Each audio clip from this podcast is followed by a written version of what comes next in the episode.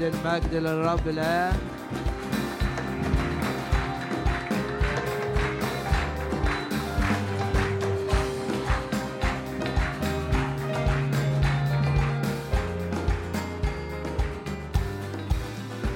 آه، ادي المجد للرب ادي المجد للرب ادي المجد للرب.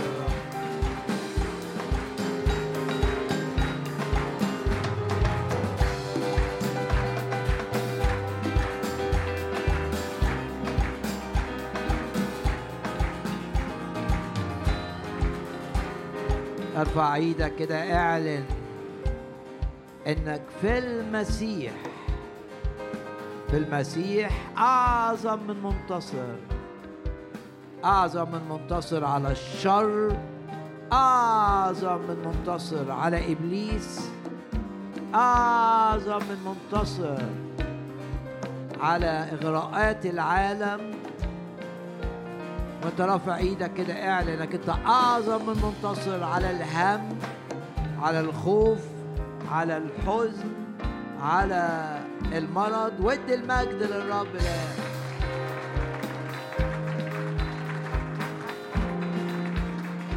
يعظم انتصارنا. يعظم انتصارنا. نرفع إيدينا نعلن إيماننا إن كل خطط شيطانية هدفها إيذائنا بأي طريقة في أي مجال. وزي ما بيقول سفر أشعياء على على الخطط اللي كانت ضد أورشليم. لا تقوم ارفع إيدك كده ولا تكون. كل خطة شيطانية هدفها إيذائك. في أي دائرة في أي مجال. باسم الرب يسوع وارفع إيدك كده معايا. اعلنها لا تقوم.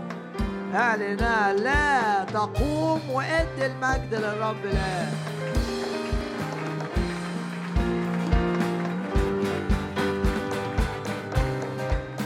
والوعد يحاربونك ولا ولا يقدرون عليه لأني أنا معك يقول الرب. ارفع إيدك أعلن انك انت مؤيد من الرب. أعلن إيمانك أن الرب يحامي عنك أعلن ثقتك في الرب أن الرب رجل الحرب يحارب من أجلك. أعلن ثقتك في وعد الرب. أنا أسير قدامك والهضاب. أمهد ارفع إيدك كده اعلن ان الهضاب. تمهد تمهد وكل جبل وأكمة. محطوط في سكتك. كل جبل وأكمة. ينخفض باسم الرب يسوع وادوا المجد للرب مرة كمان.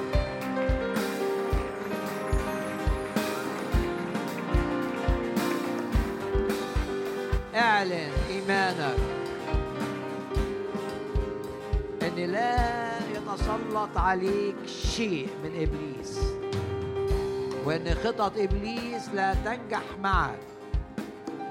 والوعد العظيم كل آلة صورت ضدك لا تنجح. كل آلة كل سلاح كل خطة اتعملت لإيذائك. في أي دائرة لا لا تنجح. وكل ما يفعله إبليس ضدك ارفع إيدك كده معايا. يتحول يتحول يتحول باسم الرب يسوع. يتحول لخيرك وادي المجد للرب. الان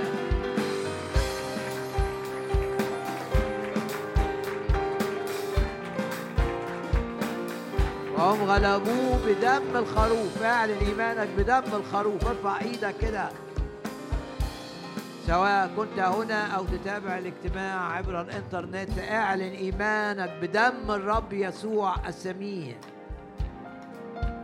وقول أنا مبرر بسبب إيماني بالدم. أنا مقدس حياتي للرب مش لإبليس مش للخطية. أنا مقدس بالدم. السماء مفتوحة أمامي بسبب إيماني بالدم. الآية بتقول كده لنا ثقة ثقة ثقة بالدخول إلى الأقداس السماوية بدم المسيح. قول كده مفيش لعنات تأتي إلي بسبب إيماني بالدم. مفيش حسد تنجح معايا. مفيش سحر يقدر يأذيني.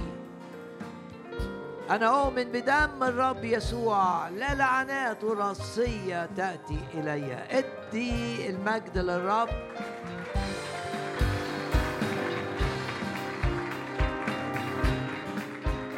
وعظم معايا دم الرب يسوع عظم الدم عظم الدم.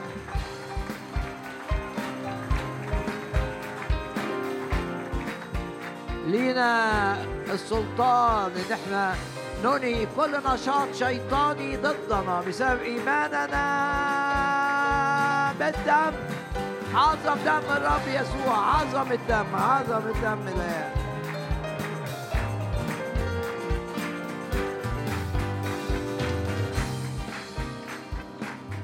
وأذكركم بكلمات سفر العدد. هذه الكلمات العظيمة التي أجبر الساحر أن يقولها. أجبر آمن أن الرب يجبر يجبر أعدائك أن يتكلموا لخيرك أن يعملوا لخيرك. أرفع إيدك كده وفي ضوء كلمات سفر العدد. لما اتكلم عن إن بلعام اللي جابوا الملك عدو شعب الرب بالاق بالاق القوة السياسية ده ملك مع بلعام ممثل القوى الشيطانية في العالم. أكبر ساحر معروف الاثنين اتحدوا معا جمعهم الفلوس المال وأراد بالعام أن يصنع سحرا لشعب الرب. كلنا عارفين القصة. والرب أجبر بالعام. إذا بالعام عدو شعب الرب. يريد أن يؤذي شعب الرب. اتحد مع بالاق. ملك مؤاب عدو شعب الرب. لما الرب أجبر بالعام. بنفكر نفسنا دايما بالقصة دي. الرب أجبره إن يتكلم كلام أمام الملك مؤاب العدو ادام ملك بلاق كلام يخلي الملك يرتعب من شعب الرب. جاي يعمل سحر لشعب الرب أجبر من الرب أن يتكلم كلاما أمام الملك العدو الخطير بالاق يجعل بالاق يضعف ويخاف ويرتعب. ارفع إيدك كده واعلن ايمانك ان الرب يتحكم في بلعام من اجلك يتحكم في اعدائك من اجلك يتحكم في الشيطان من اجلك يتحكم في القوى الشريرة من اجلك. ومن ضمن الكلمات اللي أجبر بنفكر نفسنا دايما بالجزء ده من ضمن الكلمات التي أجبر الساحر بالعام أن يقولها الرب أجبره عايزك تقول كذا. ارفع إيدك كده وإعلن إيمانك معي باسم الرب يسوع. الرب يتحكم في الآخرين. وفي بلعام من أجلنا من أجل سلامتنا ومن أجل استخدام الرب لنا ومن أجل تحقيق الوعد وتكون في الارتفاع فقط. الرب يتحكم يتحكم في الناس اللي بيشتغلوا معاك في الشغل يتحكم في أفراد عائلتك يتحكم في كل الجيران يتحكم في الجميع. اعلن إيمانك وارفع إيدك كده اعلن إيمانك أن الرب يتحكم حتى في إبليس من أجلك. ومفيش أمور متروكة بدون التدخل الإلهي عشان اللعنة لو جاي عليك تتحول إلى بركة. وعشان الآكل اللي جاي يأذيك يتحول إلى مصدر للطعام لخيرك من الآكل خرج أكله علشان الحاجة الوحشة الجافي يطلع منها حلاوة. الرب يتحكم في كل شيء له علاقة بك. الرب يتحكم في كل شيء له علاقة بك حتى الملوك حتى الرؤساء.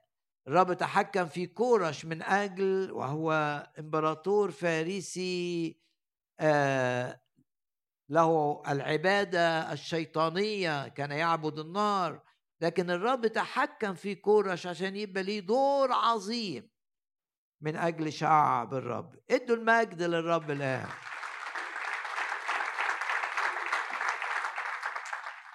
وفي سفر العدد أصحاح 23 فقط للتذكرة حاجتين أساسيتين. قالهم أجبر بالعام أن يقول أن يقوله. الأمر الأول إن الشعب مبرر لم يبصر اسما في يعقوب ولا رأى سوءا تعبا هنا يعني سوءا في إسرائيل. يعقوب وإسرائيل ده لقبي شعب الرب. لما بيبقى ضعيف ممكن يبقى لقبه يعقوب لما بيبقى قوي بيبقى لقبه إسرائيل. بنفكر نفسنا سواء أنت ضعيف سواء أنت في حالة سيئة أنت بسبب أنك جيت للرب يسوع وأمنت بالرب يسوع إيمانك الأولاني ده حسب لك برا. خلاص بقيت مبرر أمام الرب. سواء كنت في حالة يعقوب أو كنت في حالة إسرائيل. التبرير بدم الرب يسوع بالإيمان.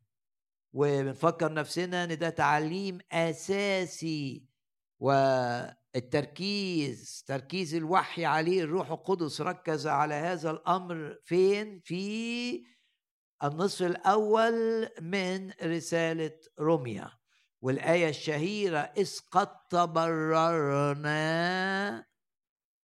في الماضي بالإيمان التبرير لا يفقد. واحد خاطي سلم حياته للرب فتح قلبه للرب يسوع آمن بالرب يسوع إيمانه يتحسب له بر. صار بار بالإيمان وبقي بار أمام الله. وعلشان كده تنطبق عليه هذه الآية إن الله كقاضي لا يرى أخطاؤه. إنما الله كأب يرى اخطائك لكي يقومك لكي يعالجك لكن مش كقاضي بيشوف غلطاتك وضعفاتك. لأنه كقاضي أجرة الخطية هلاك معناه إن شاف غلطاتك يبقى هتهلك لكن ما دمت جئت إلى الرب يسوع ومحتمي أنت جيت للرب يسوع تقول أنا في المسيح دائما أشوف نفسي في المسيح. فبتشوف نفسك في المسيح من لحظة مجيئك للرب لما جيت للرب وسلمت له نفسك وسلمت له حياتك اتولدت الولادة الثانية وتبررت في هذه اللحظة وصرت برا أمام الله. الله ما يشوفش أخطائك كقاضي عادل لا. ليه؟ لأنه كقاضي عادل شايف أن الصليب الرب يسوع على الصليب نال العقوبة كاملة عقوبة خطاياه خطايا الماضي وخطايا الحاضر وقضايا المستقبل رب يسوع على الصليب تحمل هذه العقوبة بالكامل فالله كقاضي بي. خلاص يقول لك أنت براءة لأن يوجد من دفع ثمن أخطائك ومن تحمل كل خطايا الماضي وخطايا الحاضر وخطايا المستقبل. من هذه الزاوية المؤمن المؤمن مبرر ولا يفقد تبريره أبدا. عشان كده في آية 21 يقول كده آه، أجبر أن يقول أن الرب لم يبصر اسما في يعقوب. كقاضي يحكم بالهلاك؟ لا. ولا رأى سوءا في إسرائيل. ليه؟ عشان الأمة بتقدم ذبائح يومية. بتعلن الذبائح دي إن في كفارة إن في فدية بتشاور على كفارة الرب يسوع. فبسبب الكفارة بسبب الدم أنا مبرر ولا أفقد تبريري حينما أكون ضعيفا. وعشان كده يقول لك لم يبصر اسما في يعقوب. سواء كان الشعب يعقوب ولا قوي واللقب المناسب لإسرائيل. يبقى آية 21 بتقول إيه؟ بتقول إني أنا مبرر أمام الله. لا يرى كقاضي أخطائي ولا يرى سقطاتي ولا يرى ضعفي كقاضي. إنما كأب كأب وليس كقاضي عادل. كقاضي عادل دي أمر اتحسم في الصليب خلاص. في الصليب اتحسم موضوع العدل وحسم إلى الأبد بالنسبة للمؤمن. خلاص. الصليب قال قد أكمل خلاص. عقابك تم بالكامل. عقاب خطايا معينة؟ لا كل الخطايا بلا استثناء في الماضي في الحاضر في المستقبل. يبقى الرب كقاضي لا يدينك ولا يحكم عليك بالهلاك. لا أنت واثق إن ليك حياة أبدية. وعشان كده إنجيل يوحنا يقول لك لا يهلك كل من يؤمن به. أول ما يؤمن به لا يهلك خلاص. والرب يسوع يقول أنا اعطيه حياة أبدية. ولا يستطيع أحد أن يفقدها هذه الحياة. ده معنى الآية. وأما كأب بقى الرب يشوف أخطائك عشان يعالجك عشان يوبخك عشان يكلمك عشان يوجه اهتمامك إنك عندك ضعف في النقطة دي إنك مقيد تحتاج تحرير. الرب كأب بقى مش بعدله إنما بحبه. الرب بحبه يتعامل معنا علشان يخلصنا من عيوبنا علشان عنده هدف. إيه الهدف؟ إنه يستخدمنا. الرب عايز يستخدمك بكل كل الآيات تقول أن الرب يريد أن يستخدم آيات كثيرة أن يستخدمك وأن تأتي بثمر وإن ثمرك كل يوم يبقى أكبر من اليوم السابق. أنت لازم تبقى فاهم أنت الرب جابك لكي يستخدمك. وأنت عشان بيستخدمك بينقيك. بينقيك بالكلمة اللي بتسمعها بالاجتماعات اللي بتحضرها. بالإرشاد الرب جعل لك مرشدين روحيين مرشد روحي آباء روحيين. الرب يريد أن ينقيك ولو ما تجاوبتش مع هذه الطرق سوف يستخدم الألم ولكن بطريقة تدريجية. أول ما تتجاوب ويبقى عندك رفض لضعفك رفض للخطية اللي بترتكبها الألم يتراجع لكن هدف الرب كأب أن يستخدمك. بنغمض عينينا مع آية 21 الهامة جدا جدا جدا. شجعك إنك تشكر الرب. وقول كده جواك أنا مبرر بسبب إيماني بالرب. قول كده جواك أنا مبرر. الرب لا يرى كقاضي أخطائي. مفيش إحساس بالذنب عندي.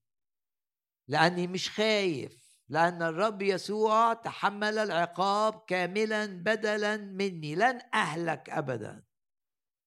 قول جواك أنا مبرر بدم المسيح. تبررت بالإيمان وده معنى لنا سلام مع الله. يعني ما فيش شكاية ما فيش اتهام. يخلي ما فيش سلام بينك وبين الرب وتبقى خايف من الرب. لا انت تبررت إذ قد تبررنا بالإيمان لنا سلام مع الله. دي آية واحد وعشرين.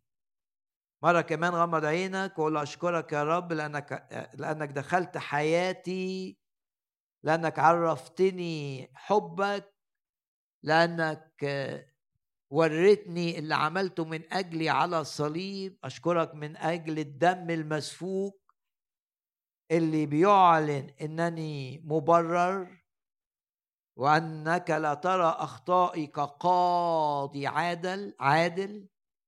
قل للرب كده أشكرك من أجل ما حدث من أجلي على الصليب. ولا رأى اسما في يعقوب ولا سوءا في إسرائيل.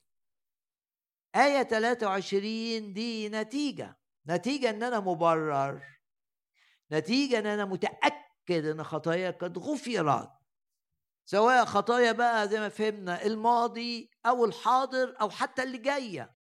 لأن الرب تحمل عقاب كل الخطايا بتاعتي.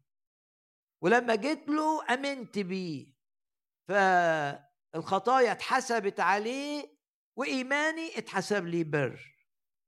نتيجة لهذا لو أنت مؤمن بإن خطاياك غفرت وإنك مبرر أمام الله خطايا الماضي والحاضر والمستقبل قد غفرت في لحظة ولادتك من فوق الولادة الجديدة لما شخص بيقبل الرب يسوع في قلبه النتيجة في آية 23 ليس عيافه على يعقوب. يعيافة يعني سحر. يعني يعقوب ده شعب الرب وهو ضعيف السحر ما يأثرش عليه بالعام ما بيأثرش عليه. وبالعام قال كده قد أمرت أن أبارك. يعني الرب بيؤمر اللي بيعملوا السحر إنه ما يعملوش السحر. إنه ما يقدروش يأذوك بيؤمر الشيطان. إني أمرت أن أبارك فإنه قد بارك الرب بارك. ما أقدرش ف ما أقدرش أرد هذه البركة. ليس عيافه على الشعب الضعيف يعقوب ولا عرافة على إسرائيل. يعني ما حدش بروح العرافة يقدر يعرف حاجات عنك انت مش عايزه يعرفها. ما يقدرش. اوعى تخاف من ناس بتشوف فنجان بتشوف اي حاجة وتعرف أسرار لديك أرواح العرافة تعجز تعجز تماما بسبب انك مبرر. كلمات أخرى بسبب ايمانك بالدم ان تعرف امور محدش يعرفها غيرك. ما تقدرش.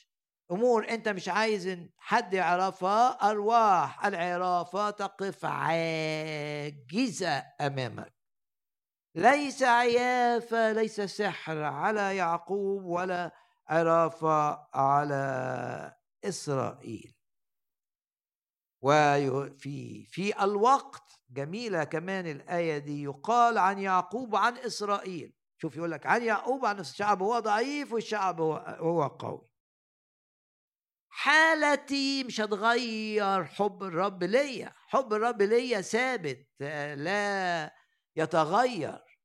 انت لازم تمسك في إن الرب بيحبك. هو ده قوتك قوتك إنك تبقى باصص للرب اللي بيحبك مش باصص لنفسك إنك أنت بتحب الرب. لأن في أوقات هتلاقي نفسك فاتر وفي أوقات هتلاقي مشاعرك مش متحركة كفاية وممكن تحضر اجتماعات تحس إنك أنت جاف ومش متفاعل واللي حواليك متفاعلين. لا تركز على نفسك في هذا الوقت وفي كل وقت سواء أنت يعقوب أو سواء أنت اسرائيل يعني سواء أنت ضعيف أو قوي ركز على حب الرب لك الذي لا لا يتغير بتغير حالتك. حب الرب ليك. ويقول لك كده محبة أبدية. أبدية يعني النهاردة وبكرة وبعده السنة الجاية واللي بعديها وإلى الأبد. ما اسمها محبة أبدية أحببتك. وهنا بقى يقول في الوقت. يجي وقت كده يقال عن يعقوب وعن إسرائيل ما فعل الله. ما قالش ما فعلوا؟ لا. يبقى حياتك هتبقى مليانة من وقت لآخر بحاجات تقول ده الرب ده مش أنا. ده الرب. ده مش شغل بشر ده مش إمكانياتي ده مش إمكانيات عيلتي ده مش إمكانيات أصدقائي. ده الرب. يقول لك في الوقت يبقى في وقت باسم الرب يسوع ويكثر في حياتنا الأوقات اللي يقال فيها عننا ما فعل الله. إزاي حول لعنة جاي عليك إلى بركة؟ إزاي تحكم في كل الظروف اللي كانت بتقول انها تدمرك بقت نفس الظروف تحكم فيها الرب وبقيت لبنائك ونجاحك. إزاي اللي عملوه الأشرار ضدك تحول لخيرك ولمجدك؟ إزاي الرب أنقذك من الشر؟ إزاي الرب حفظك في وقت التجربة؟ إزاي الرب حتى وإنت ضعيف حماك من ضعفك وحماك من اندفاعاتك وحماك من اختياراتك الخاطئة. في الوقت يقال عن يعقوب وعن إسرائيل ما فعل الله. و آه، حط الأيتين جنب بعض نقول يا رب أشكرك بشجعك إنك تبص للرب كده تكلم الرب وأنت بتسمع الوعظة أنت مش جاي تسمع أنت جاي تسمع وتتجاوب وتكلم الرب تقول يا رب أشكرك. أشكرك من أجل الدم من أجل الصليب. بالدم نجوت من الهلاك الأبدي وبالدم تبررت وصرت بارا أمامك ولا أتوقع أن تعاقبني ولكن أتوقع أن تصحح أخطائي وتعالج عيوبي. أشكرك. وفي الآية التالية آية 23 تقول للرب أشكرك لأن ما فيش لعنات تأتي إلي ولا لعنات عائلية ولا لعنات وراثية ولا أي أمور سيئة في عالم الروح تقدر أن تؤذيني. أنا متمسك بهذه الآية ما فيش عيافة تؤثر عليا وما فيش سحر يؤثر عليا وما فيش عرافة تنجح معايا. أنا متأكد من هذا لأن كلمتك أيها السيد الرب لا لا تسقط ابدا. نرفع إيدينا كده نعلن بس إيماننا إن مفيش لعنات وراثية تأتي إلينا. فيش لعنات عائلية تقدر أن تصيبنا وتقدر أن تخرجنا خارج خطة الرب. و... وأنت رافع إيدك كده اعلن إيمانك إنك محفوظ محفوظ محفوظ في الخطة الإلهية الموضوعه لك وأن كل ما يحدث من حولك لا يستطيع لا يستطيع أن يخرجك خارج هذه الخطة. وندي المجد للرب مرة كمان.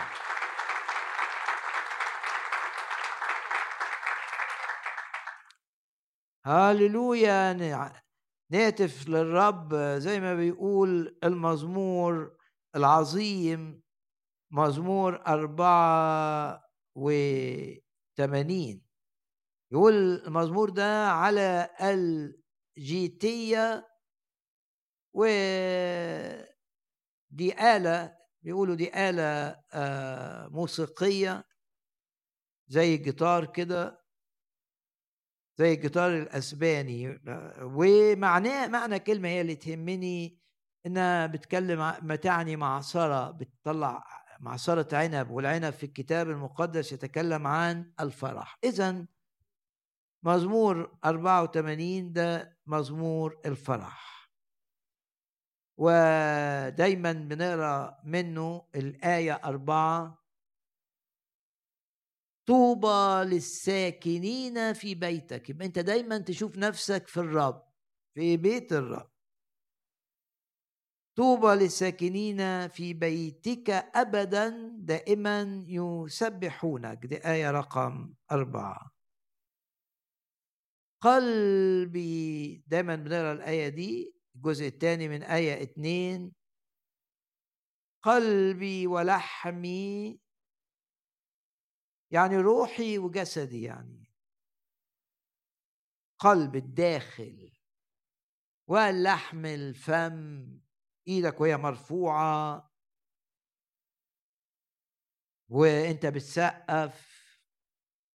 قلبي بس القلب قبل اللحم يعني وإلا تبقى حركات انفعالية مش هيسمعها الرب. الرب بيسمع الحاجة اللي طالعة من القلب. الحاجة الحقيقية. عشان كده في الآية دي حط القلب قبل اللحم.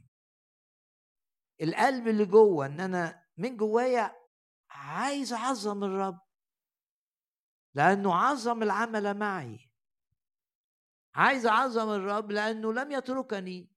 عايز أعظم الرب لأنه لم يهملني عايز أعظم الرب لأنه طلع لي من الجافي حلاوة. عايز اعظم الرب لأن بيضمن ليا بكره. عايز اعظم الرب لأن بيحفظني من اخطائي ومن عيوبي وبيصلحني. عايز اعظم الرب لأنه فداني لأن اعطاني مجانا مجانا الحياة الابدية. عندي حاجات كتير تخليني اهتف للرب. عشان كده ده جوايا قلبي قلبي ولحمي يهتفان بالإله أو للإله الحي. وكلمة حي ضع تحتيها خط اتنين ابرزها قدامك إنه إله حي. الرب قال أنا حي عشان كده أنت هتاخد حياة. أنا منتصر عشان كده هتنتصر. أنا في مجد عشان كده سترى المجد. ومجدي يرى عليك. عشان أنا حي. لست غائبا. أنا حاضر معاك حتى لما بتبقى في النار. ولما تبقى في النار أحميك من النار. ورائحة النار لا تأتي عليك. مش بس النار ما تحرقكش. ورائحة النار لا تلتصق بك. أنا معك دائما. وده معنى كلمة الحي. ثق ان الرب موجود في حياتك وثق ان الرب موجود في أمورك. وثق ان الرب يحول حزنك إلى فرح. ثق في الرب.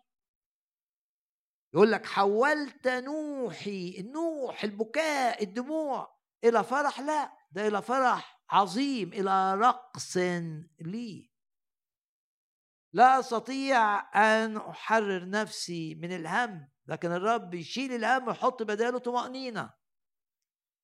ويشيل الحزن ويحط بداله فرح ويشيل الضعف أمام خطية أمام إغراء ويحط بداله قوة. ويشيل الفشل فشل في حياتي الزوجية فشل في عملي فشل في الخدمة. يحول الفشل إلى نجاح. وبكلمات آه، الكتاب المقدس يقول لك حول الرب عشان بيحبك اللعنة حتى لو في لعنة إلى بركة لأنه قد أحبك. والآية تؤكد بركات وليس لعنات على رأس الصديق ده الإله الحي. ده الإله الحي لا تستطيع أن تعتمد عليه تستطيع أن تثق فيه رجاء لا تثق في نفسك. ما تعتمدش على شطارتك على مهارتك. قول كده زي ما قال رجل الله في العهد القديم صغير أنا عن جميع ألطافك وعن جميع الأمانة التي صنعتها مع عبدك. أنا صغير قدامك. ما تتكلوش على أنفسكم. اتكل على النعمة الغنية. في نعمة نعمة يعني أنا ما استاهلش. وعشان أنا ما استاهلش بتكل على النعمة. وعشان بتكل على النعمة برى أمور عظيمة في حياتي لا يمكن أن تنسب لقوه بشرية. والأمور تشوف معجزات في حياتك. تشوف أمور بتتغير. من أمور مهددة جدا لسلامك لأمور مطمئنة جدا جدا لك. ده الرب. ده مش أنت ده الرب. وندي المجد للرب.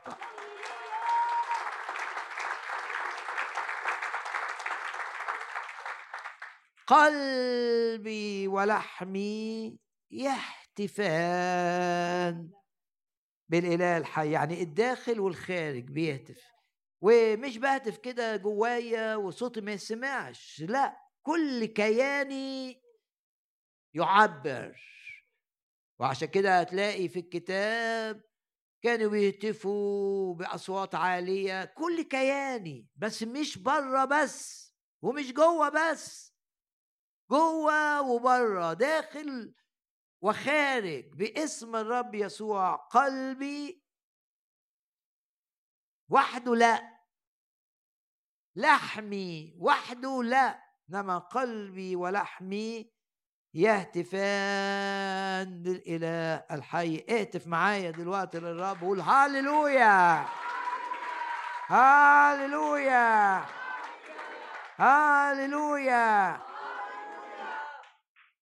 يا رب نشكرك لأن الآية ستة بتقول عابرين في وادي البكاء. وادي صعب يعني يبقى بدل ما هو مكان للحزن لدموع الحزن. يصير مكان للارتواء بالروح.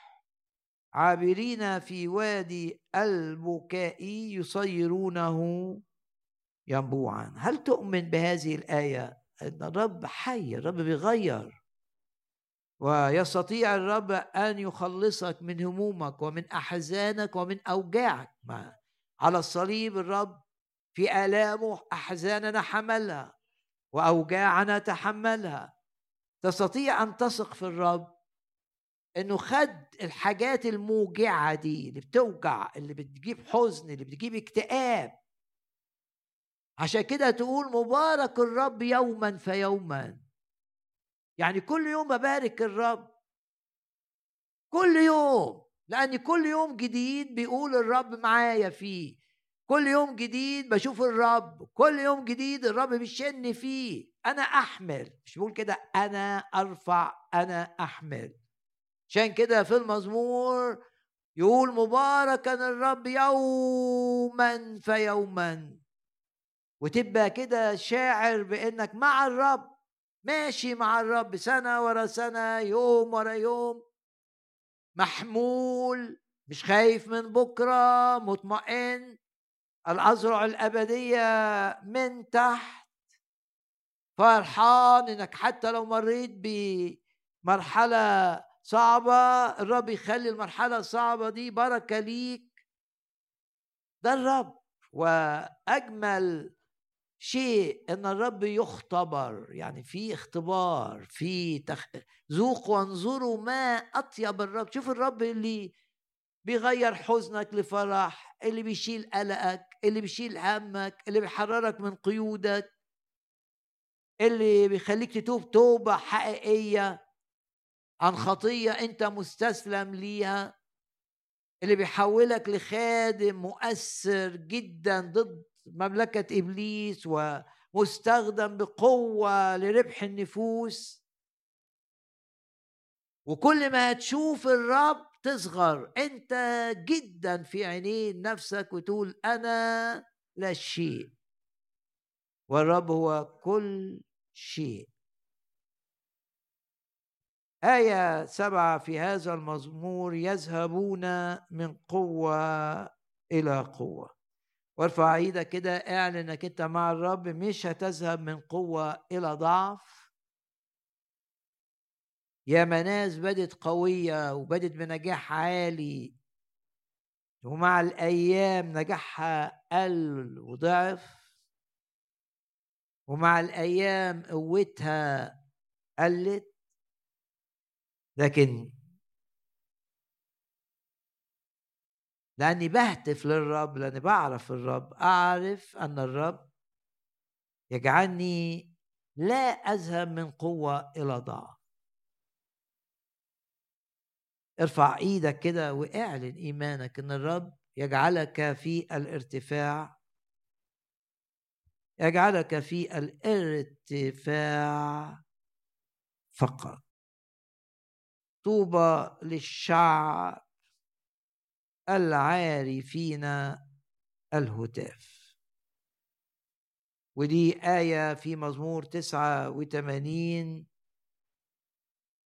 يا رب بنور حضورك يسلكون وباسمك يبتهجون اليوم كله. لأنك أنت فخر قوتهم. دي آيات بعض الكلمات من آيات 15 و 16 و 17 من مزمور 89 ومن مزمور 89 بفكركم بالآية لو في حاجة جامدة قدامك تقدر تقول آية 9 أنت متسلط على كبرياء البحر. حاجة العنيدة يعني. وتفرح معايا بالجزء التالي من الآية. عند ارتفاع لججه الموجة عالية قوي هتغرقني؟ لا مش هتغرقك. عند ارتفاع لججه أنت تسكنها. أنت تسكنها. عشان كده يقول لك غضب الإنسان يجيب مجد للرب. ليه؟ لأنه يتحول لخير شعب الرب. يقول لك غضب الإنسان يحمدك. يعني الغضب بتاع الأشرار على شعب الرب هيعملوا حرب على شعب الرب هينكسروا وينهزموا شعب الرب هيغنى. بسبب هذه الحرب اللي جت عليهم ليه؟ في غنائم كثيرة. بالغضب بتاع الأعداء جاب مجد للرب. ده معنى الآية اللي بتقول غضب. يمجدك باسم الرب يسوع. إيه الآية بقى هنا؟ يا رب نشكرك ونباركك. أنت متسلط على كبرياء البحر. عند ارتفاع لججه امواجه أنت تسكنها. غمض عينك بقى معايا لو في موجة عالية ضدك في ضد حياتك العائلية ضد سلامك ضد صحتك ضد خدمتك. خطية بتحاربك قوية جدا موجة جامدة قوي. في حاجة قوية ضدك مش صدفة إنك أنت تسمع هذه الكلمات الموجة اللي ضدك ارتفعت جدا لكي ترى تقول لي ليه سابها الرب ترتفع؟ عشان تشوف إيد الرب. ليه الرب ساب فرعون بعد الضربة الأولى والثانية والثالثة عشان تشوف إيد الرب وهي بتصنع معجزة فيها نهاية لفرعون فيها شق للبحر فيها طريق في البحر فيها مجد. عند ارتفاع لججي أنت تسكنها. نشكرك ونباركك ونعظمك وإدوا المجد للرب الآن.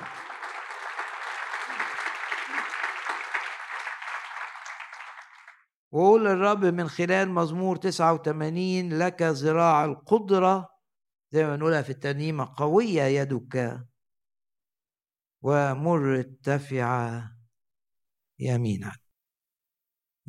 رسالة يوحنا الثانية والثالثة رسالتين. كل رسالة تتكون من أصحاح واحد. رسالة يوحنا الثانية الرسالة آه، إلى سيدة الشيخ إلى كيرية المختارة. والرسالة الثالثة يعني رسالة إلى امرأة وبعديها تليها رسالة إلى رجل وكل رسالة من دول من أصحاح واحد.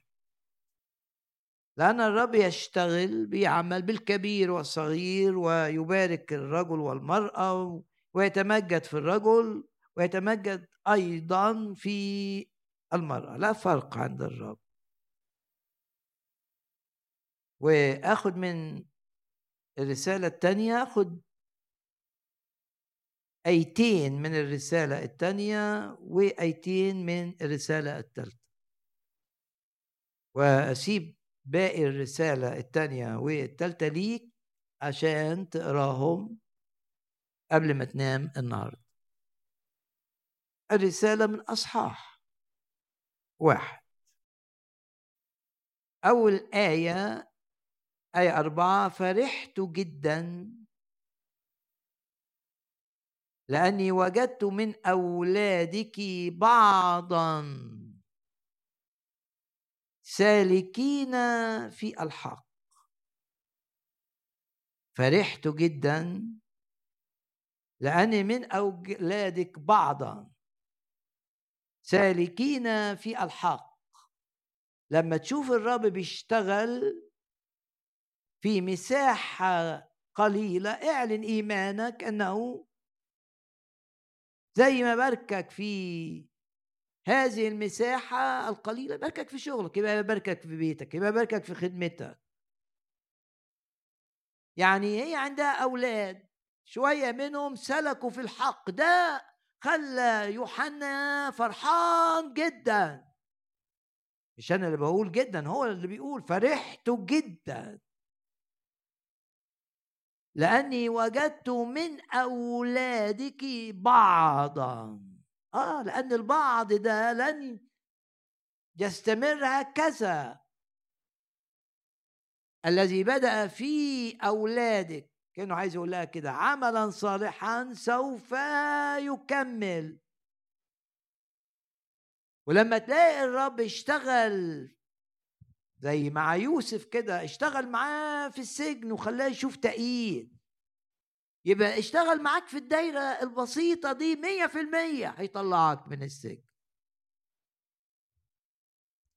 لما تشوف عمل الرب في دائرة صغيرة ده لأن الروح القدس يريد أن يقول لك إن السحابة قدر كف لن تظل قدر كف. بس شوف إن السحابة الصغيرة دي من الرب مش من الصدفة. إيليا شاف جاب له الغلام خبر صار جدا في سحابة قدرة كف. يعني اللي بيحصل مش قادر نسيبه ده, ده كف إنسان.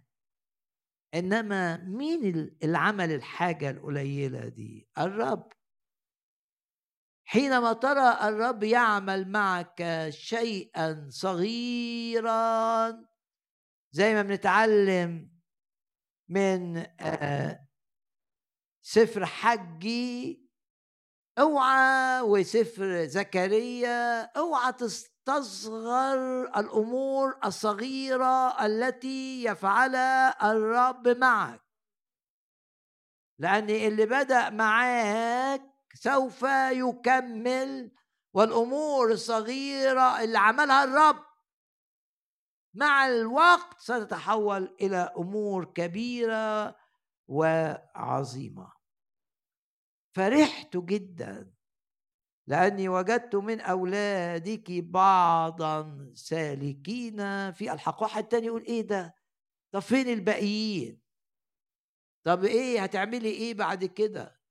حينما أرى الرب يؤيدني في مساحة صغيرة فده إعلان أنه سيؤيدني في المساحات الأكبر. وحينما يتمجد الرب معك في موضوع صغير يبقى بكل تأكيد سيتمجد الرب معك أيضا في موضوع كبير. الرب تمجد مع داود في موضوع صغير إنه بيواجه حيوان. تمجد معه من مواجهة الأسد والدب إلى مواجهة جلياط المخيف اللي معاه سيف اللي شكله مرعب. نعم. أشكر الرب غمض عينك كده وأشكر الرب أن الأمور الصغيرة تشجعك وتجعلك تتأكد أن الذي بدأ فيك في أمر صغير سوف يكمل معك. فرحت جدا لأني وجدت من أولادك بعضا. بروز كلمة بعضا حاجة فيها إيد الرب تجيب لي فرح. وأقول اللي عمل في المساحة دي هيعمل في بواقي الأمور. اللي عمل في الدايرة دي زي ما عمل مع يوسف كده في خلاه يفسر الأحلام بتاعت الاثنين اللي كانوا معاه في السجن اللي خلاني أفسر مية في المية في الوقت الصح تماما سوف يفتح لي أبواب السجن. وفرصة نغمض عينينا ونشكر الرب من أجل أي أمور صغيرة حصلت معاك ما تقدرش تنسبها غير للرب. أمر في شغلك أمر في علاقاتك أمر فلوس ما كانتش كانت ضايعة. صحيح هي قليلة لكن رجعت بطريقة عجيبة. قول أشكرك يا رب لأن البعض ده الأمور الصغيرة دي بتؤكد لي أنك ستعمل معي في كل الدوائر التي اضعها أمامك. الآية الثانية من يثبت في تعليم المسيح فهذا له الآب والابن جميعا. يعني يتمتع بالأبوة أبوة الله ويتمتع بمحبة والنعمة العظيمة التي لنا في الإبن الرب يسوع. والآية دي بس تخليك تصلي تقول يا رب أنا عايز دايما التعليم. يبقى تعليمك أنت. من يثبت في تعليم المسيح. وصلي كده إن الرب يحفظ تفكيرك ويحفظ ايمانك في تعليم المسيح ومن يثبت في تعليم المسيح. فهذا له الآب والابن جميعا. الرسالة الثانية دي كانت لامرأة اسمها كيريا. الرسالة الثالثة لشخص اسمه غايوس. وأقرأ آية خمسة. أيها الحبيب أنت تفعل بالأمانة. أمين. كل ما تصنعه إلى الإخوة غالبا يقصد بهم الفقراء أو اللي عندهم احتياجات. وإلى الغرباء بيقصد بيهم الخدام اللي جايين من بلاد تانية. الذين شهدوا بمحبتك أمام الكنيسة. ويركز معايا على كلمة بأمانة. هل بتخدم الرب بإخلاص بأمانة شديدة؟ عندك أمانة في أمورك المالية؟ أنت تفعل بالأمانة.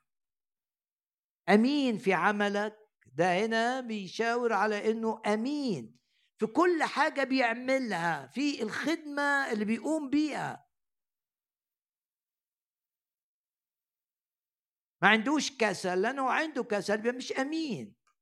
لو الكسل بيقودك في مساعدة الآخرين أنت لست امينا.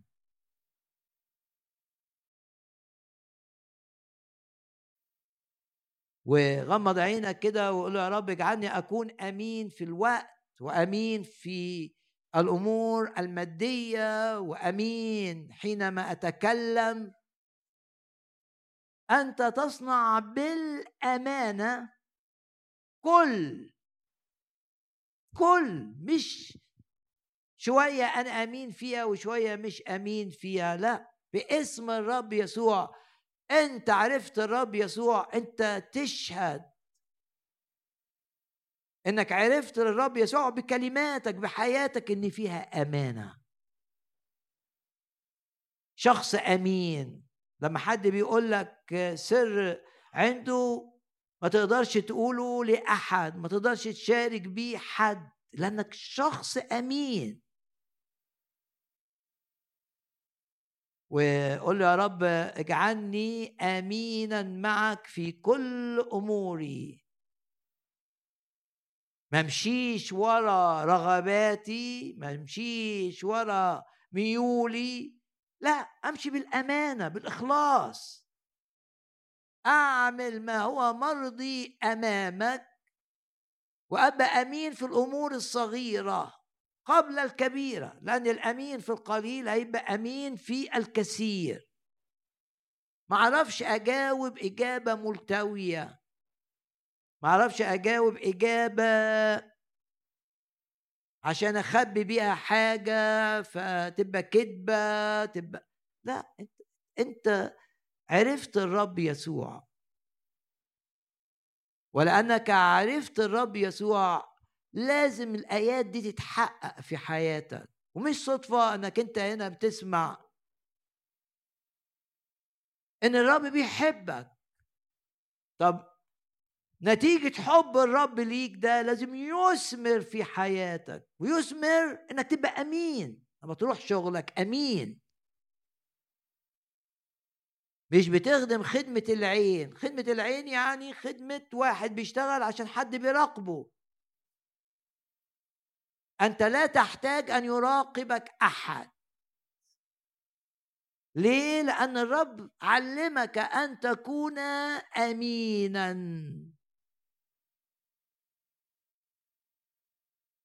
في كلماتك أمين. ما بتبالغش في أحاديثك. أنت تفعل بالأمانة كل وليس بعض ما تصنعه إلى الإخوة وإلى الغرباء.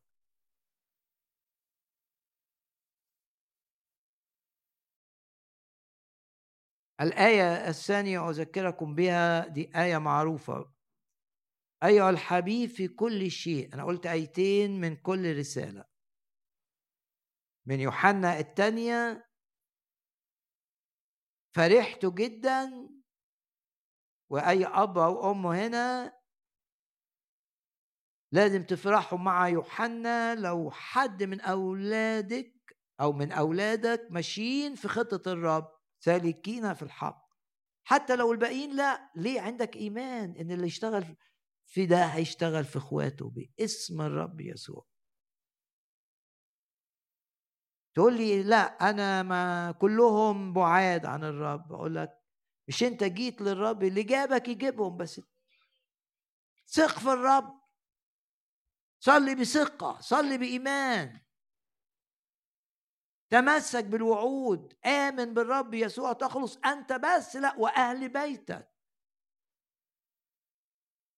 والذي ابتدأ فيك يكمل في أولادك وفي أحفادك.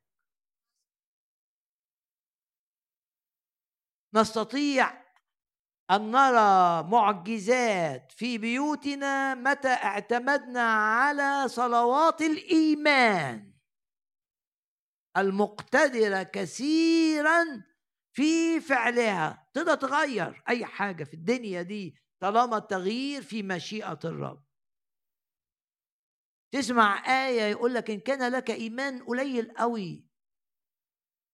تقدر تنقل الجبل. آه لو إيمان قليل زي الحبة الخردل الصغيرة دي لكن هي حبة صغيرة لكن لما تزرع تطلع شجرة كبيرة. فإيمان صغير لكن في حاجة في مشيئة الرب يعني مشيئة الرب إن الجبل ده يتنقل وأنت عندك إيمان قليل بس مشيئة الرب إنه يتنقل. بإيمانك القليل الجبل يتنقل. طب ولو ما عنديش إيمان الجبل لن ينتقل. صلواتنا تحقق مشيئة الرب.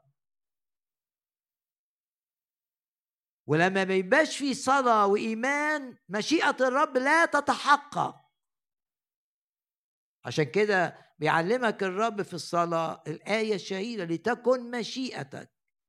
يبقى أنت لازم تقول للرب حقق مشيئتك في حياتي. طب لو ما قلتش مشيئة الرب مش هتتحقق في حياتك.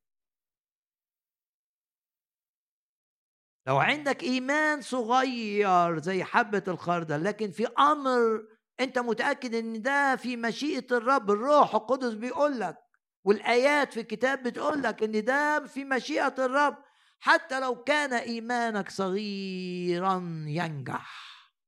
حتى لو كان زي الحبة الصغيرة دي صغيرة الحجم.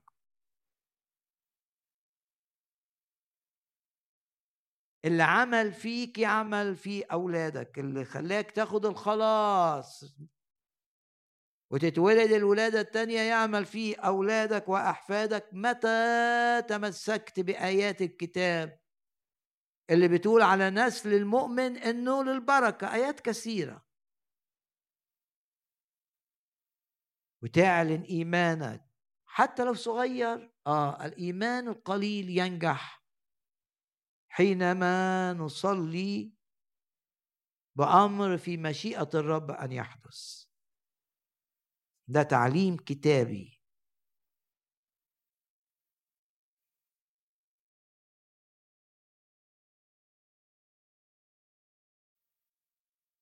ولاحظ في الرسالة الثانية أن يوحنا بيهدي سلامه مش ليها ومش لبعض أولادها السالكين في الحق لا. يقول لك الشيخ إلى كيرية وإلى أولادها. هنا بقى الحب للجميع. الذين أنا أحبهم بالحق. وباسم الرب يسوع الناس تحب أولادك؟ عشانك والناس تحب أولادك عشانك. الشيخ إلى كيرية المختارة وإلى أولادها رغم أن بعض منهم بس سالكين في الحق الذي أنا أحبهم بالحق. دي في الرسالة الثانية. في الرسالة الثالثة وآية خمسة أنت تفعل بالأمانة باسم الرب يسوع نكون أمناء. وأمانة الرب معنا تجعلنا أمناء. مش عشان أوصل لأهداف أنا عايزها ألتوي وأبقى خبيث و لما تعتمد على الطرق البشرية اللي منتشره في العالم. ممكن تحقق نجاح لكن لن تكون سعيدا. لما بتعيش بأمانة مع الرب ممكن نجاحك يبقى باين قليل لكن في بركة عظيمة.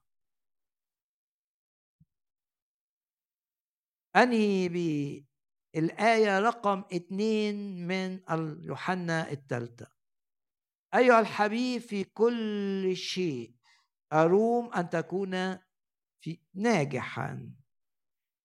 ويرفع إيدك كده اعلن إن دي مش مشيئة يوحنا دي مشيئة الروح القدس. الرسالة دي اللي كتبها الروح القدس بقلم يوحنا. يا رب أشكرك لأن مشيئتك لي أن أكون ناجحا ومشيئتك لي أن أستمر ناجحا.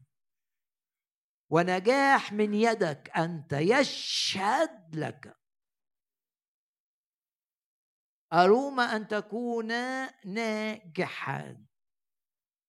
ونرفع إيدينا كده نعلن إيماننا أن الرب يعطينا في أعمالنا وفي علاقاتنا. أن نكون ناجحين.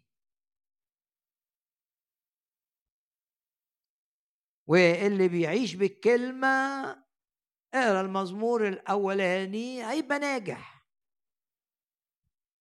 تبقى ناجح في حياتك العائلية وتبقى ناجح في حياتك العملية وتبقى ناجح في علاقاتك. وتشوف إن النجاح ده ما كانش هيحصل لولا الرب. نجاح ينسب للرب. في نجاحات بتنسب لشغلك ولتعبك لكن حتى شغلك وتعبك تقول كده ده إن لم يبني الرب البيت كنت تعبت وما خدتش حاجة. باسم الرب يسوع عينيك تتفتح كده وتشوف أمور عظيمة عملها الرب في حياتك من أجل النجاح. نجاح من إيد الرب. لا يستطيع إبليس أن يسرقه. في كل شيء أروم أن تكون ناجحا. وأنت مغمض عينك كده قول أنا في المسيح ناجح. ودوائر الفشل في حياتي بقوة الروح القدس تتحول إلى دوائر نجاح. وناجح في مواجهتي للخطية يعني ناجح روحيا. لأن هنا يقول له كما أن نفسك ناجحة. وناجح في مقاومة الهم وفي مقاومة الغم وفي مقاومة الاكتئاب. وفي مقاومة الحزن. ناجح. ليه؟ لأن ده نجاح من الرب ولمجد الرب. أروم أن تكون ناجحا كما أن نفسك ناجحة. يا رب نشكرك لأنك تعطينا أن نكون ناجحين روحيا. بديت اجتماع وضغوط عليك في الاجتماع اللي بديته في بيتك اعلن إيمانك. الذي بدأ سيكمل من قوة إلى قوة. والنجاح سيستمر. اعلن إيمانك إن الرب يريدك أن تكون ناجحا في كل دوائر حياتك. ناجح كخادم ناجح كزوج ناجح كابن. ناجح كطالب ناجح في الشغل نجاح يشهد للرب نجاح ضد الخطية نجاح ضد القيد نجاح.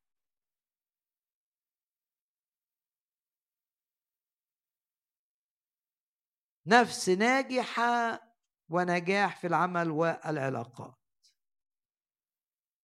وبين النجاح في العمل والعلاقات ونجاح الروحي النفسي مريت بأزمة نفسية. إيليا مر بأزمة نفسية. يونان مر بأزمة نفسية. موسى مر بأزمة نفسية. مش غريب. إنما موسى بالرب طلع من الأزمة النفسية. وإيليا بالرب طلع من الأزمة النفسية. ويونان خرج من الأزمة النفسية. اذا مش معنى إنك أنت مريت بأزمة شديدة إنك تظل تحت نتائجها. رفضوك من الشغل أزمة نفسية مش لاقي تشتغل. مش معنى إن ده حصل أن تظل في اكتئاب لا. أنت اهتف وعظم الرب وسبح وقول له أزيد على كل تسبيحك ووعدك ليا. إن الأبواب لا تغلق وإنت اله التعويض تعوض عن اللي فقد وإنت تفتح ولا أحد يغلق. وأشكرك لأنك تقودني من مجد إلى مجد من قوة. تبتدي بقى تصلي بإيمان وتثق أن الروح القدس يخرجك من هذه الأزمة. ومشيئة الرب واضحة في هذه الآية. مشيئة الرب ان نفسك تبقى فيها هم لا ده تبقى فيها ضيق لا إنك تبقى متضايق كده ومش عايز تكلم حد لا دي مشيئة إبليس. لا تحقق مشيئة إبليس. لما تشعر إن كده ضغط ابتدي تقول لي أقول لك رنم صلي تقول لي مش قادر أقول لك شوف مؤمن قريب ليك يجي يصلي معاك يجي يسبح معاك. لا يغلبنك الشر الهم شر الغم شر الحزن شر. اغلب بخير من الرب. بين النجاح في العمل والعلاقات والخدمة وبين النفس الناجحة ضد الهم والغم والحزن والاكتئاب يقول كده وصحيحا. وسمعتوني أكيد كتير بقول إن كلمه صحيحا دي معناها في اليوناني في صحة جيدة. يبقى الرب عايز صحتك تبقى جيدة؟ نعم. هل أنت متأكد إن الرب عايز صحتك تبقى كويسة؟ اسأل نفسك. هل أنت متأكد يعني عندك إيمان إن الرب عايز صحتك تبقى كويسة ولا زي ما يحصل؟ إيه اللي جواك بالظبط باسم الرب يسوع يكون في داخلنا إدراك أن الرب يريد أنا ناجحين في كل الدوائر. ويريدنا بصحة جيدة. ولو أنت مش بصحة جيدة تتمسك بالآية دي والروح القدس اللي جواك تتملي بالروح يشتغل جواك ويشتغل في جسدك اللي فيه عوامل الضعف وعوامل الموت عشان تكمل عدد أيامك على الأرض وتكمل السعي زي بتعبير بولس الرسول وأنت لاخر لحظة ليك على هذه الأرض. قادر أن تمجد الرب وقادر أن تخدم الرب وقادر أن تتمتع بالرب. أيها الحبيب بسبب إن إحنا محبوبين والروح القدس روح المحبة نكون ناجحين نكون بصحة جيدة وتكون نفوسنا ناجحة. يبقى عندنا آيتين في يوحنا دي الرسالة بتاعت النهاردة أربع آيات والجزء اللي قبل كده كان في سفر العدد. دي لك دقايق كده تفكر شوف الرب كلمك في إيه. أهم حاجة إن الواحد يطلع من الاجتماع يقول الرب كلمني. وكلمني في كذا. وهيأني إن أنا أسمع الكلمة دي. ممكن وأنا جاي في الطريق كنت بفكر. لقيت إجابة. تعاملات. إحنا ضد العبادة الروتينية. ضد إن يبقى في تدين كده روتيني. تيجي اجتماع الرب يكلمك تبقى جاي عايز مهيأ بتسأل أسئلة جواك وتلاقي الرب بيجاوبك أو بتهرب من الرب فالرب بيحصرك أو حاجة مش قادر تصدقها ومن الرب يبعتها لك. وإيمانك القليل ينقل الجبال التي في مشيئة الرب أن تنقل ولازم تعلن مشيئة الرب في صلاتك. قل له أنت مشيئتك أن أنا أبقى في صحة جيدة إلى آخر لحظة لي على هذه الأرض لا أتعطل. أني فهمت النهاردة كده وكنت فاهم كده بس أنت أكدت لي. تقول للرب أنت أكدت لي ان مش ولد واحد من أولادي ولا بنت واحدة هي اللي تبقى خادمة ومؤمنة لا. أنت اشتغلت في دي هتشتغل في الباقيين بكل تأكيد. عندي إيمان أنت اشتغلت فيا أنا كمان. هتشتغل فيهم. أنت تغير زي ما غيرتني هتغيرهم.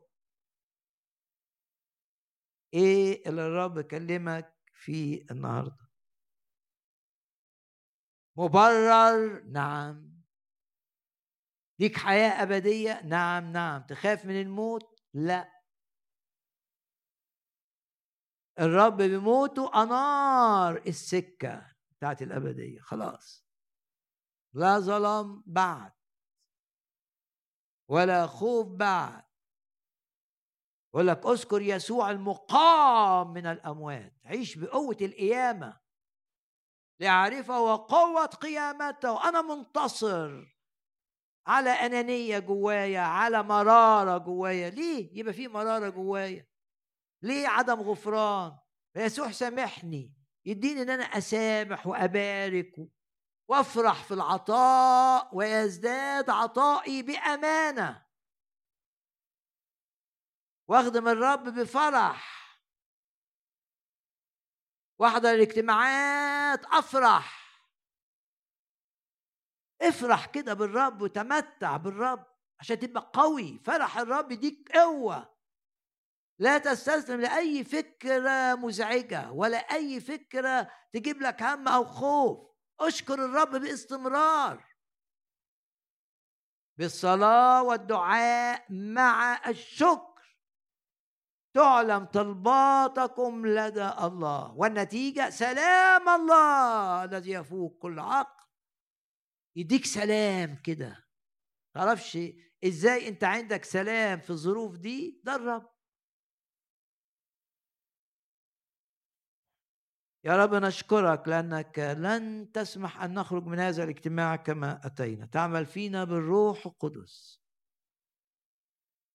وتشجعنا أن نصلي معا. صلي مع الناس القريبة منك. اجتماع صلاة صغير كل أسبوع. صلي من أجل الخدمة وتصلي من أجل النهضة وتصلي من أجل ربح النفوس وتصلي من أجل الخدام وتصلي من أجل المؤمنين المتألمين. وتكون مؤثرا في امتداد ملكوت الرب. انت مش هتعيش على الأرض مرتين. والكتاب يقول مفتدين الوقت لأن الأيام شريرة. نقف جميعا في محضر الرب الآن. إله المال مالكي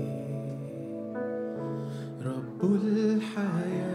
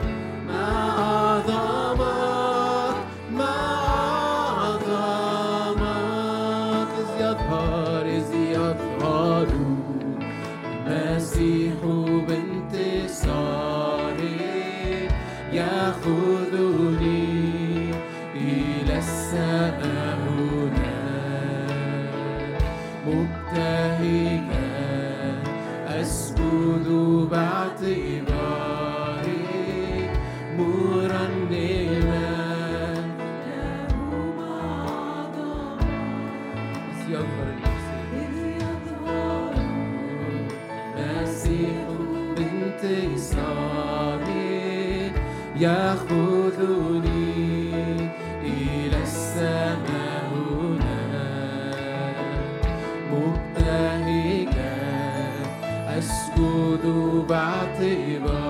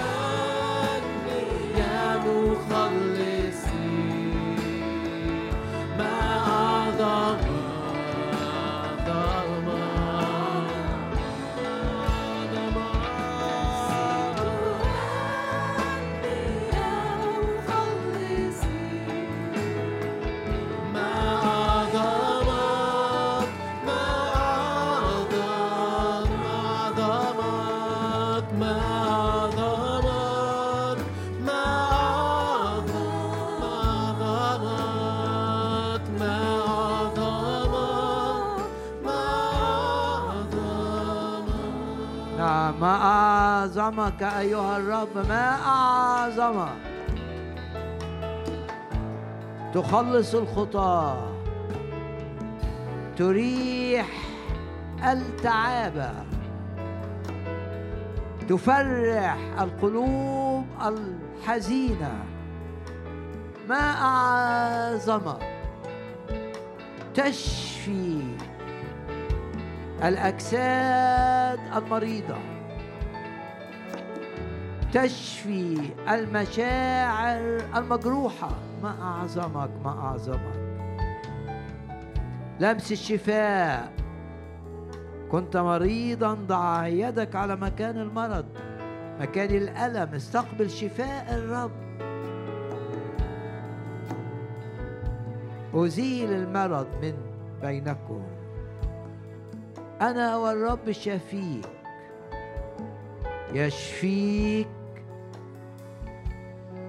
لو أنت بتتابع الاجتماع عبر الإنترنت استقبل هذه الآية.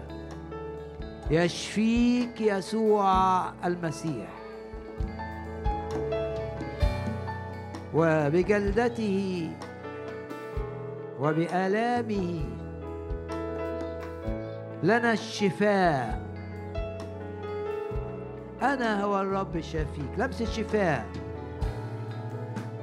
من الأمراض التي ليس لها شفاء لدى الأطباء. لمسة شفاء الآن للمشاعر المجروحة لإزالة الهم لإزالة الخوف لإزالة الحزن. لمسة شفاء من أي مرارة داخلية. سببها أحداث أو أشخاص. لمسة شفاء لمناطق في النفس داخلية عميقة ولمسة تحرير من أي تواجد لأرواح شريرة ملتصقة بأي شخص يتابع هذا الاجتماع أو موجود هنا. لمسة تحرير بعلن قوة دم الرب يسوع لتحرير المقيدين وللتحرير من التأثير الشيطاني. اعلن دم يسوع لكي تهرب الأرواح الشريرة ولا تعود تسيطر على أي دائرة من دوائر حياتك. ارفع إيدك اعلن إنك أنت منتصر إنك أنت محرر. إن إبليس تحت أقدامك إن الأرواح الشريرة تحت قدميك.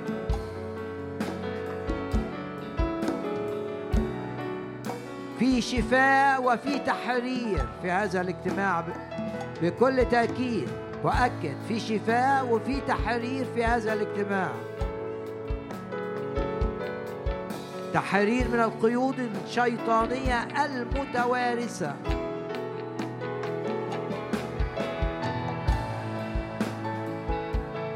هللويا. إن حرركم الرب يسوع بالحقيقة تكونون أحرارا. يا رب أشكرك وأبارك. تطلق الأسرى. تفك المقيدين تقطع القيود. هللويا. تحطم السهم. والقوس وتحرق المركبات بالنار. هللويا. وتطلقنا أحرار. لا لعنات على حياتنا. لا قيود تأتي إلينا. لا حصول من إبليس تستمر في داخلنا في أفكارنا في مشاعرنا. وقطع الرب كل قيودنا. أشكر الرب معي لأنه يستخدم الملائكة في حمايتنا وفي تسهيل أمورنا وفي التأثير على الأحداث وعلى الأشخاص وعلى كل الذين هم في منصب من أجلنا. اشكر الرب من أجل الماء لائكة الطاردة للأرواح الشريرة من بيتك من شغلك من ممتلكاتك. ملاك الرب حال حول خائفيه للإنقاذ وللنجاة ولتحريك الأحداث لتكون في مشيئة الرب دائما. إنما خير ورحمة يتبعانني كل أيام حياتي. يا رب نشكرك لأنك بتقفل الأبواب اللي جاي منها أذى واللي جاي منها سلب. واللي جاي منها إنهاك واللي جاي منها ضعف واللي جاي منها مرض. بتقفل ولا أحد يفتح. وتفتح أبواب البركة أبواب الخدمة أبواب الثمر المئة ضعف ولا أحد يستطيع أن يغلق هذه الأبواب. أشكرك لأن وعدك قد جعلت أمامك بابا مفتوحا. ولا يستطيع أن يغلقه تجدد كالنسر شبابنا. تكمل عدد أيامنا. تسير بوجهك أمامنا. وكل جبل وأكمة في طريقنا ينخفض. وتعظم العمل معنا. وتؤيدنا بالآيات والعجائب التابعة لامتداد ملكوتك. ولكي نكون مثمرين مئة مئة ضعف. هللويا. الآن إلى الترنيمة الأخيرة في الاجتماع. هنهتف فيه على الرب عظم الرب. نسقط الأسوار التي بناها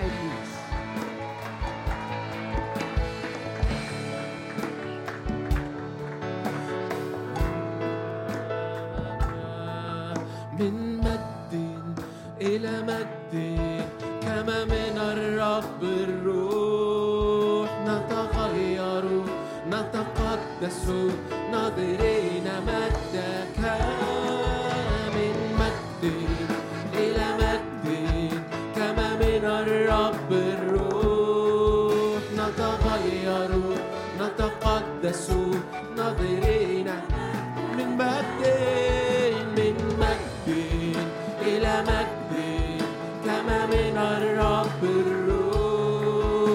نتغير نتقدس ناظرين مجدك نعلن حرية مجد أولاد الله.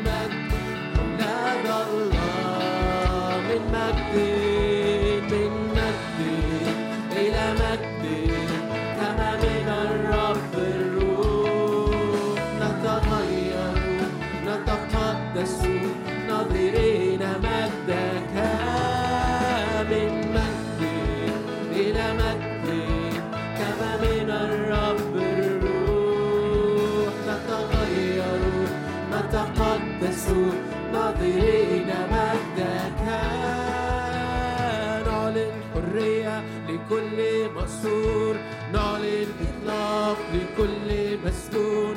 نعلن شفاء